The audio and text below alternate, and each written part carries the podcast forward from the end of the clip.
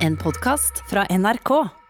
I den debatten du nå skal få høre, så gjør vi noe jeg ikke tror vi har gjort eh, tidligere.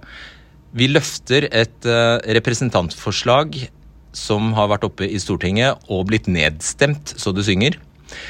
Årsaken til at vi gjør det, er ikke minst at det er fremmet av to partiledere på hver sin politiske ytterkant, SV og Frp. Men ikke minst at temaet for forslaget er veldig interessant og veldig viktig. Det gjelder ja, egentlig hele velferdssystemet, eh, velferdsstaten og ikke minst pensjonssystemet. Og det dreier seg helt mer spesifikt om minstepensjonene. Deres forslag gikk ut på å heve dagens minstepensjonister til et uh, mye høyere nivå på 250 000 kroner. Dette er uh, veldig viktig fordi det handler om rettferdighet. Uh, og det handler om at det ikke er så enkelt som å bare heve én gruppe, uten selvfølgelig at det vil få konsekvenser for veldig mange andre gruppers opplevelse av det de får igjen fra velferdsstaten. Eh, og det er mange grupper i Norge som lever på ytelser langt under EUs fattigdomsgrense. Vi visste selvfølgelig da vi gikk i gang med et sånt tema som dette her, at det er mange skjær i sjøen. Det er eh, lett at det kan framstå som at vi ikke unner minstepensjonistene en bedre pensjon, og det er jo slettes ikke tilfellet. Denne redaksjonen unner selvfølgelig alle det de kan få av eh, pensjon, spesielt når de har så lite å leve av i utgangspunktet. Men det er ikke det vi egentlig vil ta opp, naturlig nok. Det vi vil ta opp, er rettferdigheten i systemet, og ikke minst, jeg liker ikke det ordet, men bærekraften i systemet, om vi har råd til det, rett og slett. Og grunnen til at du ikke får noe debatt eh, til å begynne med her, det er at eh, dette er en såpass kinkig sak der vi anser at eh, de to hovedopponentene til eh, SV og Fremskrittspartiet, nemlig kanskje Høyre og Arbeiderpartiet, nok ikke ville kunne være helt ærlige om hvilket eh, standpunkt de hadde, uten at det førte dem inn i utrolig kompliserte resonnementer. Det vil være vanskelig å stå på TV for de to partiene Høyre og Arbeiderpartiet og si at de ikke unner minstepensjonistene et løft. Og Derfor så ville ikke vi behandle dette viktige temaet med en debatt som ville kunne føre oss helt, i, helt på ville veier. Det var en klar hensikt bak denne sendingen. Vi skulle bli informert og vi skulle bli orientert om hvordan systemet vårt fungerer. Og Denne gangen mente vi at det ble løst best ved at jeg stilte spørsmål til de to partilederne.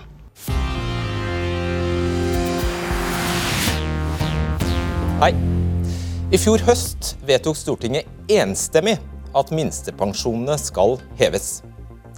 Men hva skjedde i dag, da Stortinget skulle stemme over et konkret forslag fra SV og Frp om nettopp å heve minstepensjonene opp til EUs fattigdomsgrense? Jo, alle de andre partiene, unntatt Rødt, stemte imot. Og Derfor står dere alene her, Siv Jensen og Audun Lysbakken. Det var dere som foreslo å heve alle minstepensjonister i dag opp til nesten 250 000 kroner, som er det EU har sagt man faktisk trenger for å ikke risikere å bli fattig. Og I dag er minstepensjonen for en aleneboer 204 000 kroner hvis man er minstepensjonist. Og så skal jeg bare legge til før vi går videre. Det er viktig å få med seg. Vi skal nå kun snakke om den pensjonen man får fra folketrygden. Altså ikke det man sparer selv, eller det man har gjennom tjenestepensjonsordninger. Vi snakker kun om den pensjonen man får fra fellesskapet, kan man si. Og det kommer faktisk ikke til å komme noen andre partier og innta plassene her for å debattere mot dere på en god stund. Eh, eh, for jeg vil gjerne at vi skal forstå dette, at vi skal skjønne hva dere har foreslått, og ikke minst hvordan dere tenker. Så da vil jeg i første omgang at dette blir en utspørring, det er planen. Men det krever også at dere følger visse regler, at dere faktisk svarer på det jeg spør om. Så jeg håper det er greit at vi har en avtale. Det er greit. Prøve på det. Ja, vi får se, da. Nei da, jeg bare tuller. Vi, vi oss, det er en avtale. Deal. Audun Lysbakken. Hvem skal få økt minstepensjon? Alle framtidige minstepensjonister, eller bare de som er minstepensjonister i dag, altså som er 67 år eller, eller eldre i dag? Hensikten med det forslaget vi fremmet nå, det var å få gjort noe for de som nå er minstepensjonister, eh, og som eh, lever langt under fattigdomsgrensen. Men jeg mener at det samme prinsippet må gjelde for framtidens pensjoner. For det er ikke mer greit med fattigdom blant eldre i framtiden enn det er i dag. Eh, og vårt mål er å gjøre fattigdom blant eldre i Norge til historie. Få slutt på det. Mm. Kommer tilbake til konsekvensene av et sånt forslag hvis det skal gjelde alle. Siv Jensen, hva er ditt svar? Skal det gjelde alle, eller bare de som er gamle i dag? Vårt forslag handler om å gjøre noe for de som er minstepensjonister i dag. Og Grunnen til det er at de har jo ingen mulighet til å gjøre noe med lønna si, altså pensjonen sin. Den er det den er. De kan ikke gå ut og spe på den, da må de jo selge huset eller et eller annet sånt. Mens de som blir pensjonister i fremtiden, har jo faktisk muligheten til å gjøre noe med pensjonene sine. Nå skal det sies at Fremskrittspartiet var jo ikke en del av eh, det flertallet som i sin tid laget pensjonsreformen. Um, og nå sitter det jo en, et utvalg som regjeringen har satt ned, som skal se på hvordan man skal regulere pensjonene fremover. Og Vi er jo ikke fremmed for at vi må se på det eh, senere. Men det har ikke vi tatt stilling til. Du er vel enig med Lysbakken i at det er ikke noe greiere at en som blir pensjonist om ti år er fattig, enn en som er pensjonist i dag? Jeg mener at vi må ta de grepene vi kan ta for å gjøre noe med, med fattigdom. Der hvor folk selv ikke har noen mulighet til å påvirke mm. egen inntekt. Men det er klart at hvis vi nå lykkes med i årene fremover å få trappet minstepensjonen opp, selv om ikke det ble flertall for det i Stortinget. Altså, det det ikke ble flertall for i Stortinget i dag, var jo den årlige opptrappingen til EUs minstenivå, som er 200, 245 000 kroner. Eh, det er jo ikke akkurat å bli fet av det heller, men i dag så det er jo en, et løft på 40 000 da, for en minstepensjonist. Eh, og det vil hjelpe, også for fremtidige pensjonister. Skal det alltid lønne seg å stå i jobb, Audun Lysbakken? Skal Uh, altså, det, det, vil lønne seg å jobbe i Norge. Denne debatten der er litt rar, for det høres ut Dette som det ikke lønner debatt, seg. Det er bare et verdens enkleste spørsmål. Skal det alltid lønne seg å stå i jobb? Det skal være noen minsteytelser som er nok til å leve på, og de må være høye nok også om de aller laveste lønningene skulle bli presset altfor lavt. Så det kan faktisk, eh, det er greit for deg om det ikke lønner seg? Nei, det er ikke greit for meg, for jeg mener at det skal ikke være så lave lønninger i Norge. Eh, Men det kan Men det jo hende det bare er det? Det kan skje, men vi skal ha eh, minsteytelser som er til å leve på i Norge, og ikke til å være fattige på. Greit. Nå skal vi se hva ditt forslag betyr i realiteten. Vi tar en person som er født i 1953, og en person som er født i 1963. Med ditt forslag så vil altså den som er født i 1953 Ja, vedkommende har la oss si, aldri vært ute i yrkeslivet, har tjent null kroner i løpet av 40 år. Vedkommende som er født i 1963, har derimot stått i jobb i 40 år og tjent 500 000 kroner hvert eneste år. Ditt forslag vil innebære at begge to får nøyaktig like mye utbetalt i minstepensjon. Hvorfor er det rettferdig? Men eh, altså, Grunnlaget for det regnestykket eh, er jo ikke et forslag vi har lagt fram. Jo, men Det forslaget vi har lagt fram, eh, er knyttet til dagens system. Og så sier vi at vi vil ha det samme prinsippet, at ingen skal leve under fattigdomsgrensen i framtiden. Men hvordan det systemet nøyaktig skal utformes, og hvordan du skal sørge for da ulike de ulike nivåene i det nye pensjonssystemet, det skal vi nå ha et utvalg KSSV representert som skal gå igjen. Hvis du forutsetter at man slavisk følger det forslaget dere faktisk fikk Stortinget til å votere over i dag, nemlig at man kun skal øke minstepensjonistene som er det i dag, altså som er født i 1953 eller tidligere, så vil dette bli resultatet. Det har du fått skriftlig svar på fra departementet. Men det er, jo, en rekke premisser inne i diskusjonen om hvordan framtidens pensjonssystem skal se ut. Eh, så, så det, eh, altså akkurat hvor de grensene vil gå for når du får den effekten du, eh, du, peker på her. Det kan ikke jeg svare på nå. Men det grunnleggende er vi vil ikke akseptere et pensjonssystem hvor mennesker i sin alderdom skal leve under fattigdomsgrensen. og Da må vi gjøre de justeringene i pensjonssystemet så, som gjør at det ikke skjer. Så det styrende prinsippet for deg og SV er at folketrygden skal sørge for at ingen blir fattige? Vi skal ikke ha fattigdom blant eldre i Norge. Og så skal vi ha et pensjonssystem som gjør Ingen, mener jeg, altså det, Med det mener jeg, altså spiller noen rolle om det er gamle eller unge? Er det, er det prinsippet at folketrygden skal sørge for at ingen blir fattige? Det er ingen automatikk i at fordi vi eh, hever minstepensjonen, skal alle ytelser i folketrygden være lik. Hvorfor ikke? Men, men vi Fordi at Du må se hvert enkelt system for seg sjøl, men SV kjemper, SV kjemper, for økte minsteytelser i mm. mange ordninger fordi vi ikke vil ha fattigdom. Det er akkurat derfor vi f.eks. ønsker å heve barnetrygden, ja. sånn at vi bekjemper fattigdom. Du skal få en liste av meg. Jeg kan fullføre listen, lista for deg, Eidun Lysbakken. fordi Spørsmålet blir til slutt i, i enden av denne lista hvor mange av disse gruppene du konkret har foreslått å øke ytelsene for. Og dette er bare grupper som faktisk på ytelsene sine lever under EUs fattigdomsgrense. 67 000 uføretrygdede. 2700 etterlatte pensjonister, 18 000 aleneboende uføretrygdede med minsteytelse, 23 000 arbeidsledige, langtidsledige, 35 400 på arbeidsavklaringspenger, 38 300 sosialhjelpsmottakere, 128 600 aleneboende sosialhjelpsmottakere, 38 200 langtidsmottakere av sosialhjelp og 57 800 kvalifiseringsstønadsmottakere. Har du konkret foreslått å heve minsteytelsen til dem opp på EUs fattigdomsnivå? Alle disse? Jeg har ikke lovet at vi skulle uh, Du argumenterer mot forslag som vi ikke har fremmet. Vi fremmer, vi fremmer forslag. Hvorfor har du altså, ikke foreslått det? Vi fremmer forslag om å øke en rekke minsteytelser.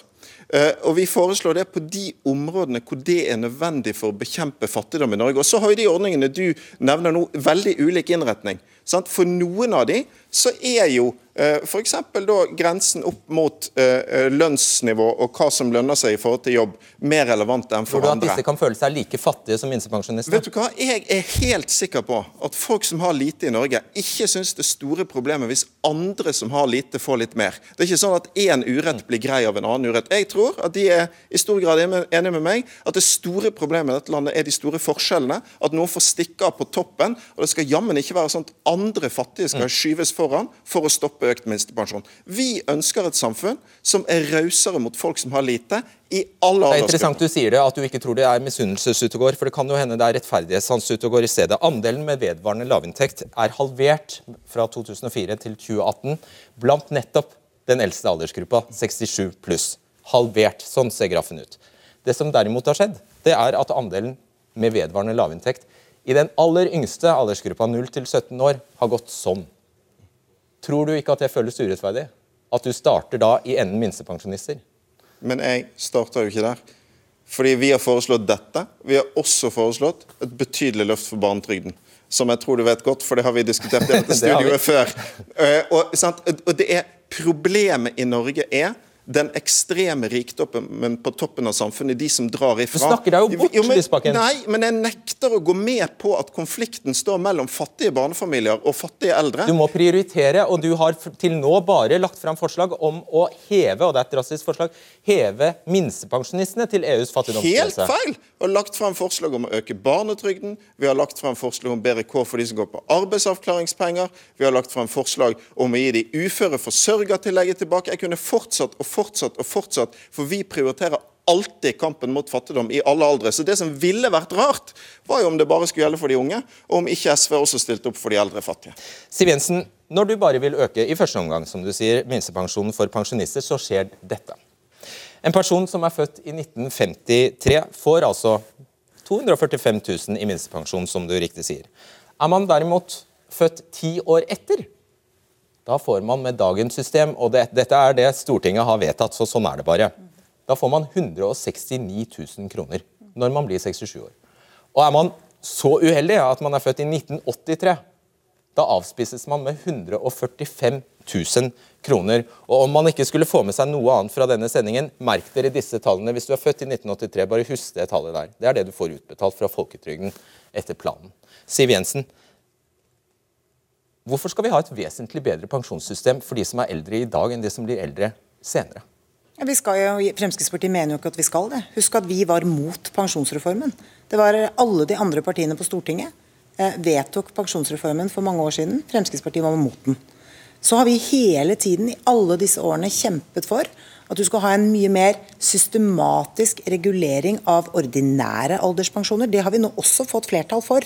Husk at mye av debatten for 700 800 000 alderspensjonister har jo vært at de har tapt kjøpekraft i hvert eneste år nå i fem-seks år pga. magre lønnsoppgjør. Og de opplever det som dønn urimelig, fordi kjøpekraften deres eh, altså De har jo det samme behovet for å kjøpe mat og betale regninger som alle andre, mens de har fått lavere kjøpekraft, mens resten av oss har fått bedre Ja, kjøpekraft. mener du at eldre har det verre økonomisk enn andre grupper? Nei, Det er mange eldre som har det bra, men det er jammen meg også ganske mange eldre som lever eh, med svært trange kår. Og husk, de som er pensjonister i dag, de er et, et, en, en gruppe mennesker som er veldig nøysomme. De krever egentlig ikke så veldig mye. Husk at de har vokst opp i en tid hvor vi ikke hadde eh, Er ikke det en grov generalisering? Alle er vel ikke Noen sløser sikkert masse. Som, de- de, som de, er blant yngre. Og, de altså, kan, man drive med, kan du generalisere sånn? Jeg tør påstå at de aller fleste eldre mennesker i dag har vokst opp i en tid hvor vi ikke hadde den overfloden vi har i dag. Og de er nøysomme, de sparer, spinker og krever ikke så veldig mye. Men husk nå, pensjon er en rettighet som de aller fleste opparbeider seg. Det er jo derfor det har vært viktig for Fremskrittspartiet ikke bare å gjøre noe med minstepensjonen for de som har aller minst, men å faktisk få gjort noe med Men den svært urettferdige eh, underreguleringen av jeg- pensjon, Jeg skjønner det. som vi nå gudskjelov har klart å få gjort noe med. Hvorfor begynner du ikke, hvis du først skal med deg over grupper her, hvorfor begynner du ikke med hun som nå ligger an til å få 145 000 i minstepensjon? Jeg mener at det er viktig at vi må se på fremtiden. men hvorfor begynner du ikke med henne? Fordi hun er ikke pensjonist enda. Det vi må gjøre noe med, er de som i dag skal ha råd til å betale strømregninga si, som nå kommer til å bli ganske høy. Som ikke har råd til å betale husleia, som kanskje ikke har råd til å kjøpe mat fordi de lever under fattigdomsgrensen. Vi må løse problemet for de som har problemet i dag. Så er jeg helt enig at det er skjevheter i pensjonssystemet som vi er nødt til å gjøre noe med. Vi var ikke for den pensjonsreformen, men det er veldig bra at det nå sitter et utvalg for å se på om det er skjevheter i pensjonssystemet. Alle de andre partiene ba dere at- vente på det utvalget, og ikke Ja, slenge dette forslaget nå. Så de har også vist til utvalget. Du skal få et eksempel til, fordi du er jo veldig opptatt av at folk skal være, hvis de kan, så skal de jobbe. Mm. Naturlig nok. Nå skal vi se hva som skjer med ditt forslag på ja, viljen til å yte, yte, yte litt i yrkeslivet, kanskje. En, nok en gang, vi har den samme pensjonisten her, som får to av deg. 245 000 i minstepensjon. En person som derimot Og vedkommende har da ja, vært inn og ut av arbeidslivet, kan vi si. altså Uansett, det spiller jo nesten ingen, det spiller ingen rolle, fordi av der får vedkommende 245 000.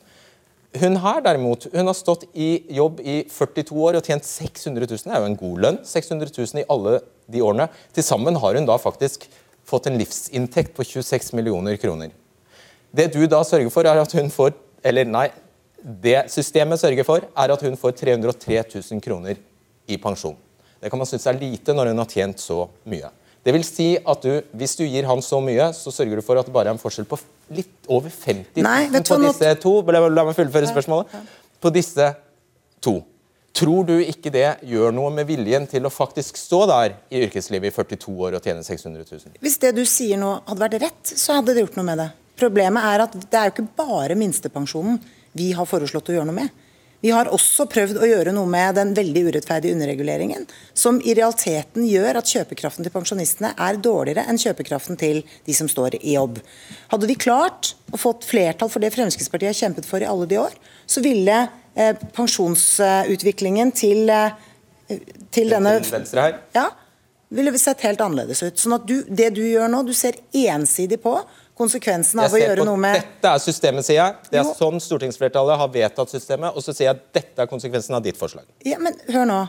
Fremskrittspartiet ikke, kan jo ikke ta ansvar for det stortingsflertallet har gjort.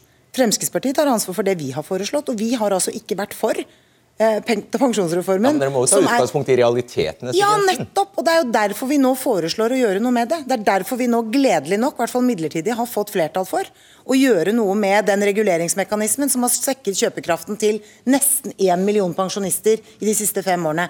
Og at vi også prøver å ta et løft for minstepensjonistene. Det skulle bare mangle. Dette er mennesker som eh, sliter med å få endene til å møtes, og som knapt har råd til å betale strømregningen, som nå blir skyhøy fordi strømprisene har gått til himmels. Dette forslaget dere nå for, uh, la fram, det vil koste 5 milliarder kroner. 5 milliarder kroner vil det koste. Det du derimot egentlig sier at du vil, det er å gjøre dette gjeldende for alle minstepensjonister, også i fremtiden. Det har du fått til svar vil koste 47 milliarder kroner, Audun Lysbakken, på toppen av de eksisterende pensjonsutgiftene hvert eneste år. 47 milliarder kroner fra 2050. Altså årstallet 2050.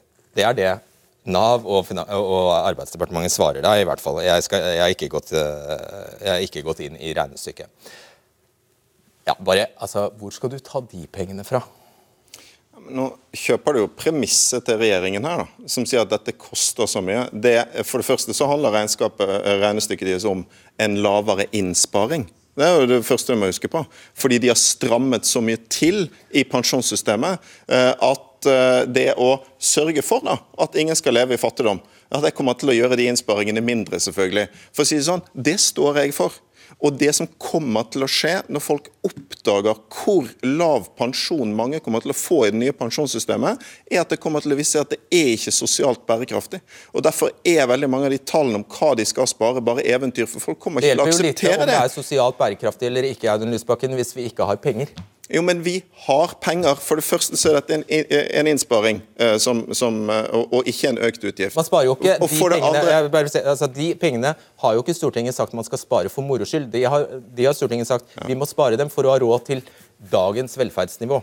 Men hvorfor var det mange av oss, mange i fagbevegelsen, SV mange andre var kritiske til den pensjonsreformen? Jo, fordi den legger til grunn at du ikke kan fordele bedre i Norge. Og den legger til grunn at du skal ha en voldsom privat forbruksvekst. At du skal ha en voldsom produktivitetsvekst. Vekst, økt rikdom. Men oppi all denne økte private rikdommen skal du ikke ha råd til et rettferdig pensjonssystem. Det er jeg helt uenig i. Vi må fordele bedre. og Det betyr f.eks. at en kan ta noe av den voldsomme private forbruksveksten som vil komme. Så kan du skattlegge de som har det aller best litt mer, og så kan du sørge for at det er rimelige og anstendige minstenivåer i pensjonssystemet. Og det vi har fått, et pensjonssystem så urettferdig at det kommer til å bli skikkelig bråk når folk opplever det. Ja, fordi det er sant det som Audun Lysbakken sier, at du har egentlig bare tre valg. Hvis du vil være så rundhåndet eh, med pensjonene, så har du egentlig tre valg. Kan la, altså dere kan la de yrkesaktive skatte mer. Dere kan uh, droppe handlingsregelen, ta større jafs av oljefondet, eller dere kan kutte noe annet på budsjettet. Hva velger du? Jeg velger å sørge for at flere av de som kan jobbe i dette landet, faktisk kommer i jobb. Hadde vi klart å få flere mennesker i, å, til å gå ut i arbeidslivet, så hadde det antagelig løst veldig mye av det som er regjeringens problem når de, altså, når de har lagt frem sin perspektivmelding. Men, men, jeg er jo grunnleggende uenig med Audun Lysbakken i at her er det bare å rase av gårde og skattlegge folk enda litt hardere. Jeg mener at uh, lave skatter er et godt premiss.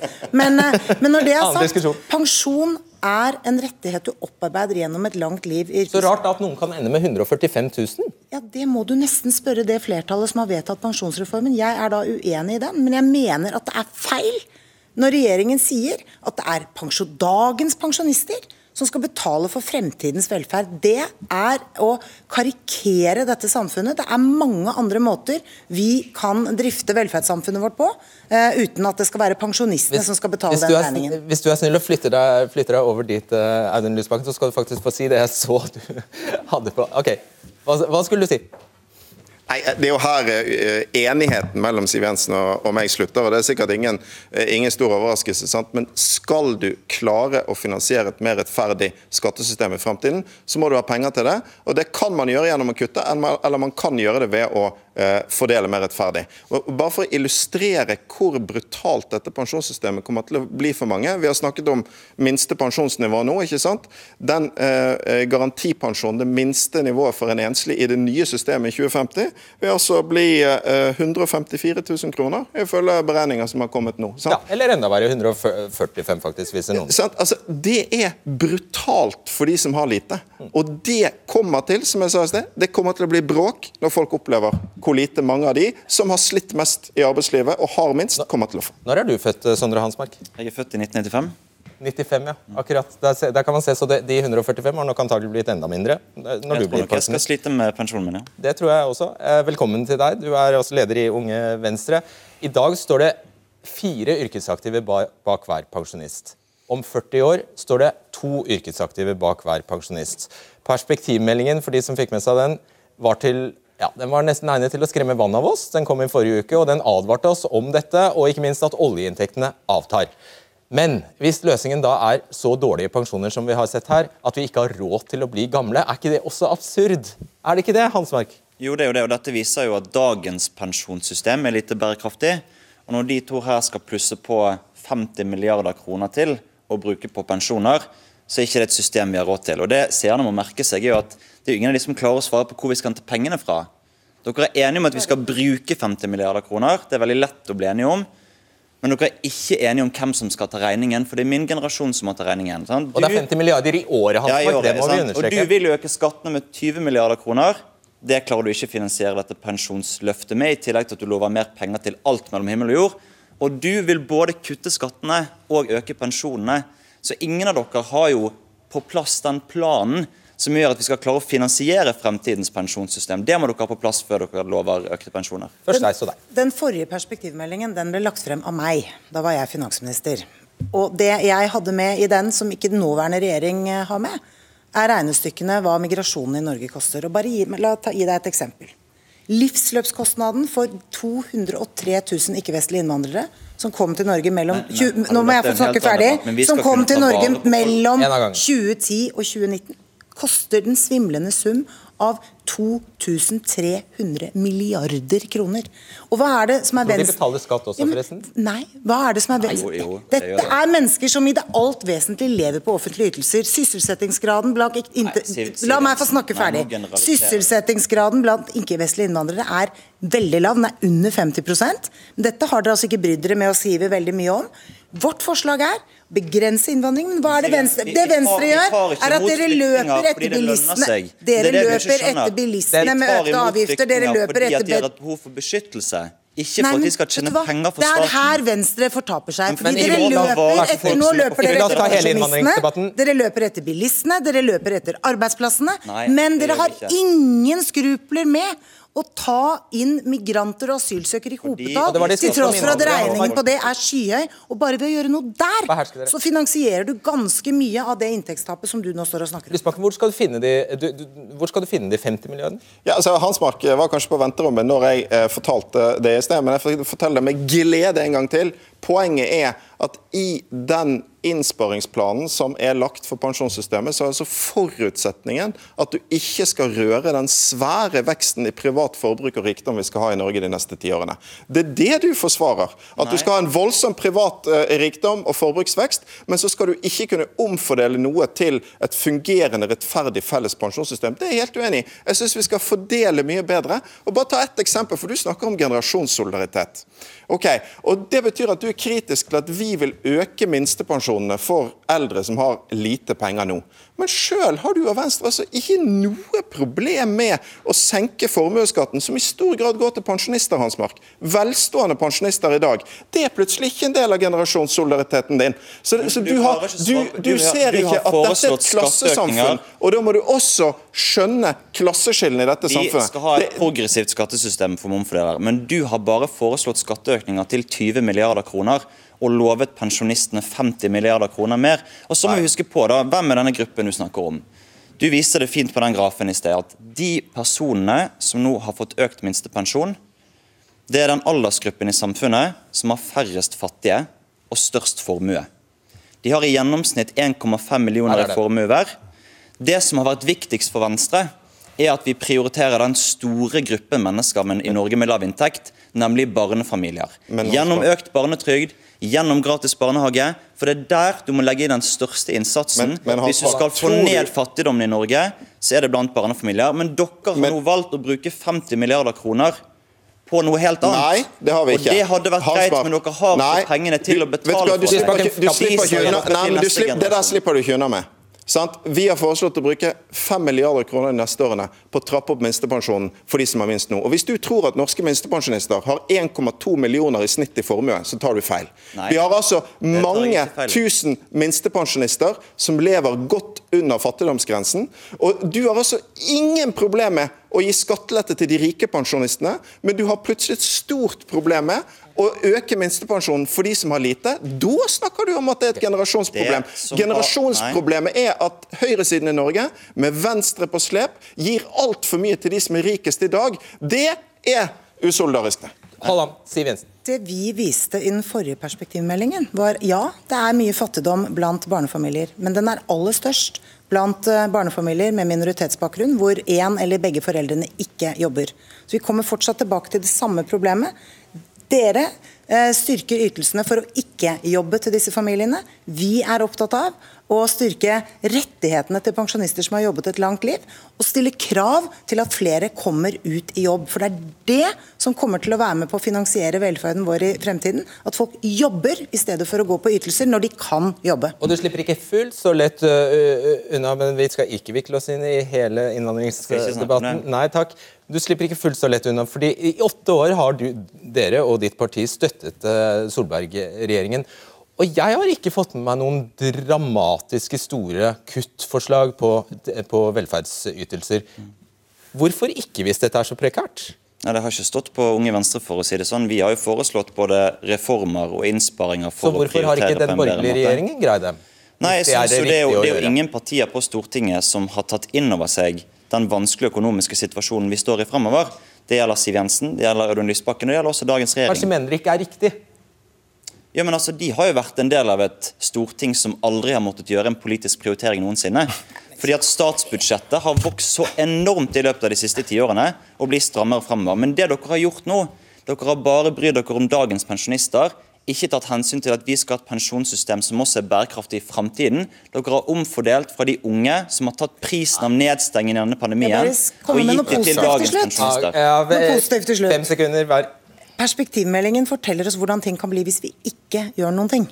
Og det er altså fullt mulig å gjøre endringer i pensjonssystemet. Det er fullt mulig å sørge for at flere mennesker, kom, nei, at flere mennesker kommer i jobb. Og det er fullt mulig å prioritere og fortsette med reformer som gjør at vi bruker de store pengene. Jeg har ikke tenkt å la meg belære av et parti som altså har øst ut oljepenger og øst ut skatteletter til de rike om solidaritet. Det vi burde gjøre dette landet, er å fordele mye bedre. En del av det er å øke minstepensjonen. En annen er å trå til for de fattige barnefamiliene. Vi kan gjøre begge deler, men det er den ekstreme rikdommen og de økende forskjellene forskjellene som er problemet. Det burde du gjøre noe med. En gang, men penger vokser ikke på trær, og det har ikke SV skjønt.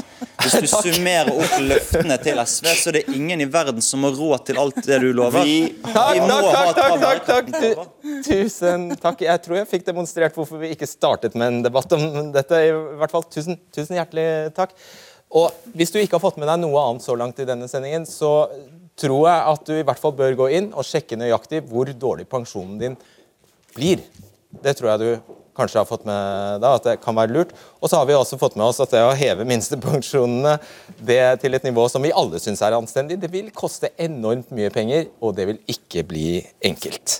Velkommen Beate Fare, pensjonsrådgiver i Vestby og Fare, og Alexandra Plate, ja, pensjonsrådgiver i Formuesforvaltning pensjonsrådgivning. Til sammen har dere altfor mange år med erfaring om pensjon bak dere. Plate, hvis vi starter med dette SV-Frp-forslaget om å heve dagens minstepensjonister til EUs fattigdomsgrense. Mm. Hva betyr det i praksis? Nei, Jeg fikk jo litt assosiasjon i forhold til det som ble sagt her. Det siste som ble sagt, var jo det forhold til at penger vokser jo ikke på trær. Og Det er jo det som er det grunnleggende her i forhold til stikkordet, er det at vi er helt avhengig av et bærekraftig pensjonssystem. Og Da tenker jeg bærekraftig både i forhold økonomisk, altså dette med arbeidslinja, og også selvfølgelig bærekraftig sosialt. I forhold til at de som da ikke har samme mulighet, at de også fanges opp og får et tilstrekkelig godt sikkerhetsnett. Men så er det også det da i forhold til at hvis du skal bygge opp under arbeidslinja, så sier det seg selv at da må det alltid lønne seg pensjon pensjonsmessig og økonomisk jobbe. Og Da er det litt interessant hvis man nå sier at ja, hva hvis vi øker minstepensjonen? Fordi i utgangspunktet, Hvis du ser tilbake, hvordan var det tidligere? Jo, Da var det faktisk sånn at den som hadde minstepensjon, skulle ha en fjerdedel av den som hadde makspensjon. Og det forholdet, hvordan er det i dag? Det begynte på 1 til 4. Nå er det sånn at den som har minstepensjon, har omtrent halvparten av den som har makspensjon. Fordi man har økt kraftig på minstepensjon og kuttet på toppen. Og, og nå, skal man justere det igjen. Og ikke sant, jeg må jo bare, Det er jo ingen av oss som kan mene at det er fett å leve for 204 000 kroner i året, og at man ikke fortjener mer hvis man er minstepensjonist i Norge i dag. Nei, men igjen ja. Nei, er, er vi, det, er, det, er, vi enige om. Jo, jeg er enig i forhold til det at med minstepensjon, men poenget er i forhold til hvem skal ta regningen. og Her kommer nettopp i forhold til generasjonsregnskapet. For det er de yngre som definitivt i størst grad blir berørt av pensjonsreformen. Så det man da faktisk gjør, da bruker man milliarder på de som i minst grad blir berørt av pensjonsreformen, sammenlignet med de yngre. Mm. Beate Fare, man kan vel forstå hvorfor de starter med denne gruppen? Ja, og det har de allerede gjort. Det er altså Minstepensjonen i Norge som Alexandra snakket om, har vært løftet i eh, lang tid, altså mye. eh, over lang tid. Eh, 204 000. Men vi må ikke glemme at det er et nettobeløp. Hvis vi nå skal løfte minstepensjonen til 250 000, så spør jeg meg skal vi da også løfte innslagspunktet for skatt? Det vil ta ned skatteinntektene. For i dag så betaler jo alle som har pensjoner over 204 000, faktisk skatt på pensjonen. Og vi skaper jo flere minstepensjonister hvis vi løfter det opp til 250 000. Ja, man skaper veldig mange flere, Ja. men det, det vet de jo. Alle blir jo Det da minstepensjonister. Men det vet de jo. Ja. Eh, og det er jo faktisk slik, så altså Jeg hører jo den retorikken om at de som har jobbet et langt liv, fortjener mer enn minstepensjon, men det får de allerede i dag. Vi må ikke glemme det som du viste i stad. En som har hatt null inntekt i 40 år, eh, får en minstepensjon på 204 000. Det er ikke arbeidsinntekten som skaper den minstepensjonen. Det Audun Lysbakken sier her, er jo for så vidt også sant. Pensjonsreformen er en sparereform. Den er der fordi vi har så at det pensjonssystemet vi hadde, det hadde vi ikke råd til. Og Da kan man jo se det fra hans perspektiv og se at nei, man sparer bare litt mindre hvis man øker ytelsen til minstepensjonistene. Nei, For det første så er det klart at Nei. det som er et grunnleggende prinsipp i forhold til pensjonsreformen for å få et bærekraftig system, det er at vi bygger opp under arbeidslinja. Det er det som er kjempeviktig. Og Samtidig så må vi som sagt fange opp de som ikke har samme mulighet til å kunne bidra. Men arbeidslinja er jo stikkordet her. Og det er klart at Hvis du da øker minstepensjon så kraftig, sånn at det, initiativene det jeg sitter igjen med for å jobbe, er minimalt, så svekker du arbeidslinja. Du øker kostnadene og svekker arbeidslinja. Tror du ikke en del jobber fordi de syns det er fint å Jo, det er kjempefint, men når det er et grunnleggende prinsipp på at det alltid skal lønne seg pensjonsmessig og økonomisk å jobbe, så sier det seg selv at det gjør det ikke hvis jeg ikke sitter igjen med mer enn 2 kroner og 50 øre enn om jeg ikke hadde jobbet i det hele tatt. Og I tillegg sender du regningen til de yngre, sånn som Unge Venstre her uh, sa. Uh, det må jo, vi må jo ta inn pengene et sted. Og Hvordan ser det regnestykket ut? Bare, bare forfølg denne. eh, det, det Hans Mark sier, stemmer det? Eh, Ja, det gjør jo det. Eh, Det stemmer at det, de øker eh, utgiftene så enormt. At, altså, vi, vi så jo før pensjonsreformen, og det skremmende bare har jeg lyst til å si på det, vi har hatt en pensjonsreform som har vart i ti år. Eh, pensjon er et langsiktig perspektiv, og vi har ikke engang tid til nå å evaluere reformen før vi begynner å, å endre på den. og Det syns jeg er skremmende, for da har vi ikke et bærekraftig, langsiktig system. Men vi må øke skattene til de unge, og de må jobbe lenger, og de får lavere pensjon hvis vi ikke gjør noe og ivaretar bærekraften.